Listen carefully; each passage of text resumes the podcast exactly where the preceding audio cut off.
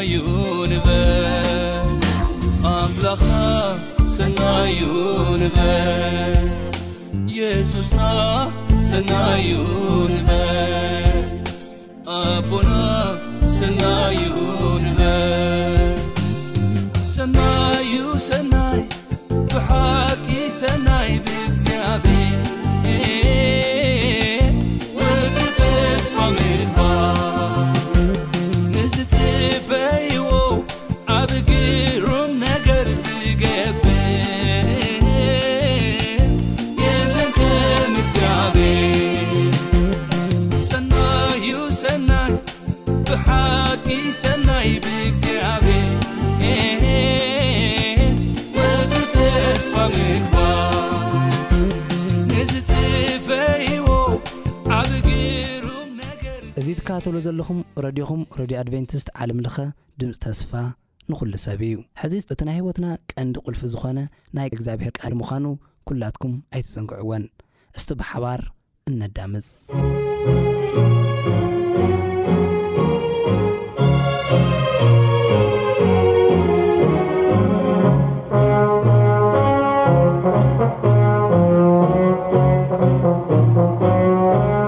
ሰላም ኣምላኽ ምሳኹም ይኹን ዝኸበርኩም ተኸታተልቲ መደባትና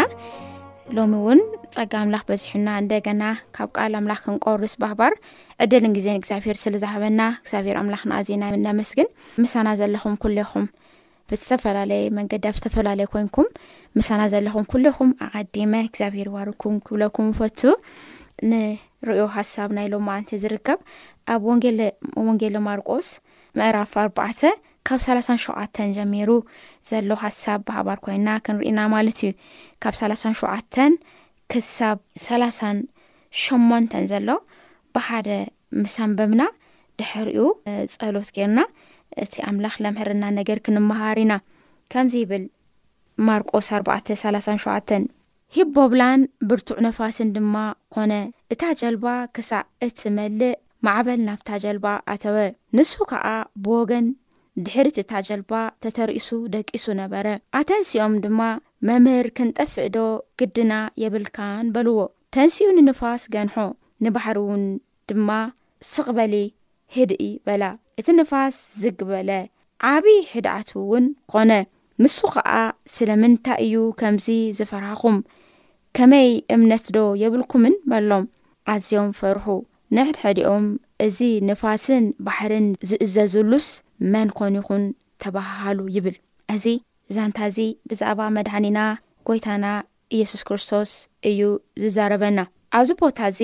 ምድሪ ምስ መሰየ ናብ ማዕዶ ንስገር ኢልዎም ብሓደ ክሰግሩ ከም ዝወጹ ንርኢ። ነቱ ህዝቢ ኣፋንዮም ድማ ናኣኡ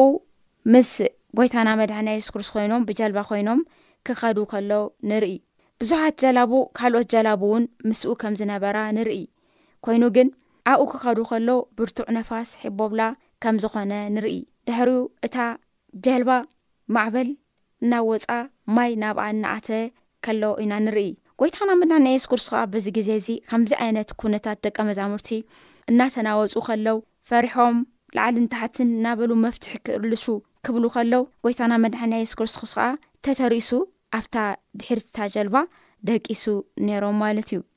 ነይሩ ማለት እዩ። እታ ጀልባ ብብርቱዕ ነፋስ ትነቓነቕ ከም ዝነበረት ኢና ንርኢ። እስኪ እግዚኣብሔር ኣምላኽና ካብዚ ሓሳብ እዚ ለምህረና ነገር ይህልዎ እዩ። ቅዱስ መንፈሱ ምሳና ክኸውን ብጸሎት ንቕረብ እሞ ዳሕራይ ተመሊስና ነዚ ሓሳብ እዚ ብሓባር ክንሪኦ ኢና። ሰማይን ምድርን ኣብኣታቶም ዘሎ ኩሉ ዝፈጠርካ ስግደት ኣምልኾ ክብሪ ዕቤት ኩሉ ንኣኻ ብኣኻ ካባኻ ዝኾነ ኣምላኽና እግዚኣብሄር ዓቢ ኣምላኽ በዚ ሰዓት እዚ ኣብ ቅድሜኻ ኣለና ኣነ ባርያኻ ኣብ ዘለኹ ኣብ ስቲድዮ ከምኡ ከኣ ካልኦት ውን ንኣይ ክሕግዙ ኣብ ተክኒሻን ዘለዉ ኣሕዋት ኣለዉ እግዚኣብሄር ኣምላኸይ ኣብ ዝተፈላለየ ኩርናዕ ዓለም ኮይኖም ከኣ ነዚ ጽሑፍ እዚ፣ እስኻ ቅድሚ ዘመናት ዘመደብካዮ፣ ክሰምዑ ዘተዳለዩ ወገናት ኣለዉ። እግዚኣብሔር ኣምላኸይ፣ ንኹሉ ዝኸውን ናትካ ጸጋ፣ ኣብ ዘዘለዎ ኣብ ዘለዉ ኩነታት፣ ኣብ ዘለዉ ነገራት፣ ኣብ ዘለዉ እግዚኣብሔር ኣምላኽ ደቂ ሰባት ኣብ ዝገጥሞም ዘበለ ነገር፣ ቀቅድሚ ሰብ እናኻድካ ትመርሕ ዘለኻ እግዚኣብሄር ኣምላኽ ኩላትና ብብዘለናዮ ትጥምት ትርኢ ዘለኻ ኣብ ኩሉ ቦታ ትርከብ እግዚኣብሄር ንኣይ ንድኹም ባርያይ ኣብዚ ስቲሮ ዘሎ ኣሕዋተይ ከምኡ ከዓ ኣብ ዝተፈላለየ ቦታ ኮይኖም ነዚ ቃል እዚ እግዚኣብሄር ኣምላኽ ከድምፁ ተዳልዮም ዘለው ሰማዕቲ ብሰማያዊ ስፍራ ብመድሓኒና ብእየሱስ ክርስቶስ ኣቢልኻ ክትባርኾም እልምነካ ኣለኹ ኣምላኸይ ቃሉ ልኢኹ ፈወሶም ይብል ቃልካ እሞ በቲ ቃልካ ኣቢልካ ፈውሰና ምሳና ኹን ኣቦ ሰላም ሰላም ናትካ ኣብ ኩላትና ልቢ ክሰፍን ንልምነካ ኣለና ተመስገን ስለቲ ኩሉ ጸጋ ውህበትካ ብወድኻ ብመድሓኒና ብእየሱስ ክርስቶስ ንልምን ኣሜን ሕረ ክቡራት ሰማዕትና ኣብ ወንጌል ማርቆስ ምዕራፍ ኣርባዕተ ካብ ሰላሳን ሓሙሽተን ጀሚርና ዳንበብናዮ ሓሳብ እንርእዮ ዋና ኣርእስትና ሎማዓንቲ እቱ እቱ ብርቱዕ ኣምላኽ ምትንሳእ ይብል ነቲ ብርቱዕ ኣምላኽ ምትንሳእ ይብል ሕዚ ክንርኢ ከለና ናብ ማዕዶ ንስገር ኢሎም ኣብ ባሕሪ ክኸዱ ከለው ናዕቢ ከም ዝወረዳ ኢና ንርኢ፣ ማዕበል ከም ዝመጻ ኢና ንርኢ፣ ብርቱዕ ነፋስን ህቦብላን ነታ ጀልባ ናዕልን ታሕትን ከም ዝገበረ ኢና ንርኢ። ሓደ ደቀ መዛሙርቲ እኒኦ እታ ጀልባ እናቐዘፉ ዝኸዱ ዘለው ማለት እዩ።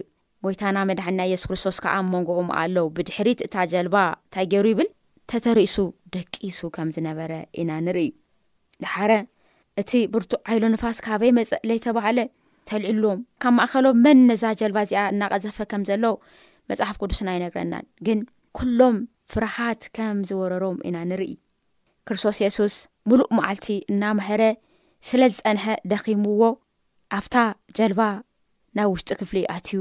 ከም ዝደቀሰ ንርኢ። ንሳቶም ግን ፍርሃት ከም ዝወረሮም፣ ልቦም ከም ዝደንገጸ፣ ምቁራጽ ተስፋ ኣብ ቅድሚኦም ከም ዝነበረ፣ ካብ ዓቕሞም ንላዕሊ ኾነ ማዕበል ከም ዝተልዓለ ኢና ንርኢ ማለት እዩ። ግን እቲ ማዕበል እዚ ካብ ዓቕሞም ንላዕሊ እዩ ኢሎም እስካብ ዝሓስቡ ናብ ዓሎም ልከዓሎ ኩሉ ዓቕሚ ከም ዝተጠቐሙ ኢና ንርኢ። ነሃር ናብ ዓሎም ምናልባት እቲ ለተፈላለዩ ነገራት ኣጀላቡ ልፅዓንዎ ነገር ኣዕሊሎም ናብ ባሕሪ ምድብራይ ክኾኑ ይኽእል እዩ ሚዛኑ ለተበለ ነገር ተልዩ እታ ነታ ጀልባ ልቀዝፍ ዘሎ ከዓ ፃዕሪ ብዙሑሓት ፃዕሪ ገይሮም ከም ዝነበረ ንርኢ ዳሃረ ግን ኩሉ ምስ ኣብዮም እንታይ ኢሎም ኣተንሲኦም ድማ መምህር ሆይ ክንጠፍእ ዶ ግዲ የብልኻን በልዎ ይብለና ምናብ ዓሎም ኩሎም ፅሒሮም ፅሒሮም ፅሒሮም ዳሓረ ምስ ለይኾነሎም ምስ ረኣዩ እንታይ ገሮም መምህር ክንጠፍእ ዶ ግዲ የብልካን እዮም ግዲ የብልካን ዲካ ኢሎም ከም ዝፀውእዎ ኢና ንርኢ ማለት እዩ ጎይታና መድሓን የሱስ ክርስቶስ እስካብ ዝፀውእዎ እንታይ የብለና ኣተንስኦሞ ይብል ካብ ድቃሱ ኣተንስኦሞ ይብል ጎይታና መድሓንያ ክርስቶስ የሱስ መፂኦም እስካብ ዘተንስእዎ እስከ ለበራብርዎ ካብ ድቃሱ ስቅ ከም ዝበለ ኢና ንርኢ ክቡራት ሰማዕቲ ብዙሕ ሰብ ኣብ ሂወቱ ማዕበል ይለዓል ደሓር እዚ ማዓበል ደው ንክብለሉ ድካኣሎ ኩሉ ይገብር ነቲ ናይ ማዕበል ኣምላክ ግን ከተንስኦ ግዜ ይወስደሉ እዩ ንዓ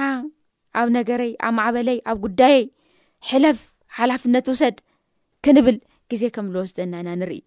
ነቲ ማዕበል እዚ ማዕበል እዚ ካብ ህይወትና ክውገድ እንደለና ግን ነቲ ናይ ማዕበል ኣምላኽ ለይፀዋዕና ንሓልፈሉ ብዙሓት ግዜታት ኣለዋ ህይወትና ማለት እዩ እዚ እንታይ ማለት መሲልኩም ብዙሕ ግዜ ነገራትና ኣብ ቅድሚ ኣምላኽ ነቕምጥ ንጽሊ ንጎይታ ከኣ ኣምላኸይ ነዚ ነግር እዚ ምርሐኒ ሓሎኒ ደግፈኒ ንስኻ ከዓለለ ኢልና ነቕምጥ ኣብ ቅድሚ እዩ ካብኡ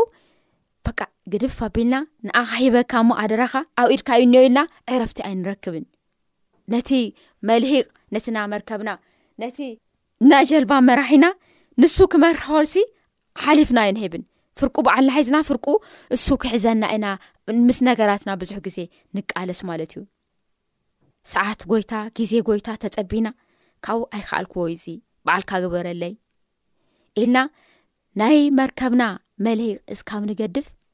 እግዚኣብሄር ይፅበየና እዩ እዞም ደቂ መዛሙርቲ ከምኡ እዮም ገይሮም ዘለዉ ነገር ኩሉ ወዲኦም ዳሓረ በቃ ምንም ዓቕሚ ምስሰኣኑ ስታይ ገይሮም ካይዶማ ተንስኦሞ ይብል ስለዚ ጎይታና መድሓና የሱስ ክርስቶስ ኩሉ ሻዕ ክንፅውኦ ክንልምኖ ክነበራብሮ ወይ ከዓ ክነተንስኦ የደሊ እዩ እንታይ ይብለና ኣብ ከምዚ ይብል ኣብ ትንቢት እርምያስ ሳላሳን ሰለስተን ፍቕዲ ሰለስተ ጸውዐኒ እሞ ክምልሰልካ ዘይትፈልጦ ዓብይን ስውርን ነገር ከዓ ክነግረካ እየ ይብል ጸውዐኒ እሞ ክምልሰልካ ዘይትፈልጦ ዓብይን ስውርን ነገር ከዓ ክነግረካ እየ ይብለና ስለዚ እስካብ ንፅውዖ እግዚኣብሔር ኣምላክና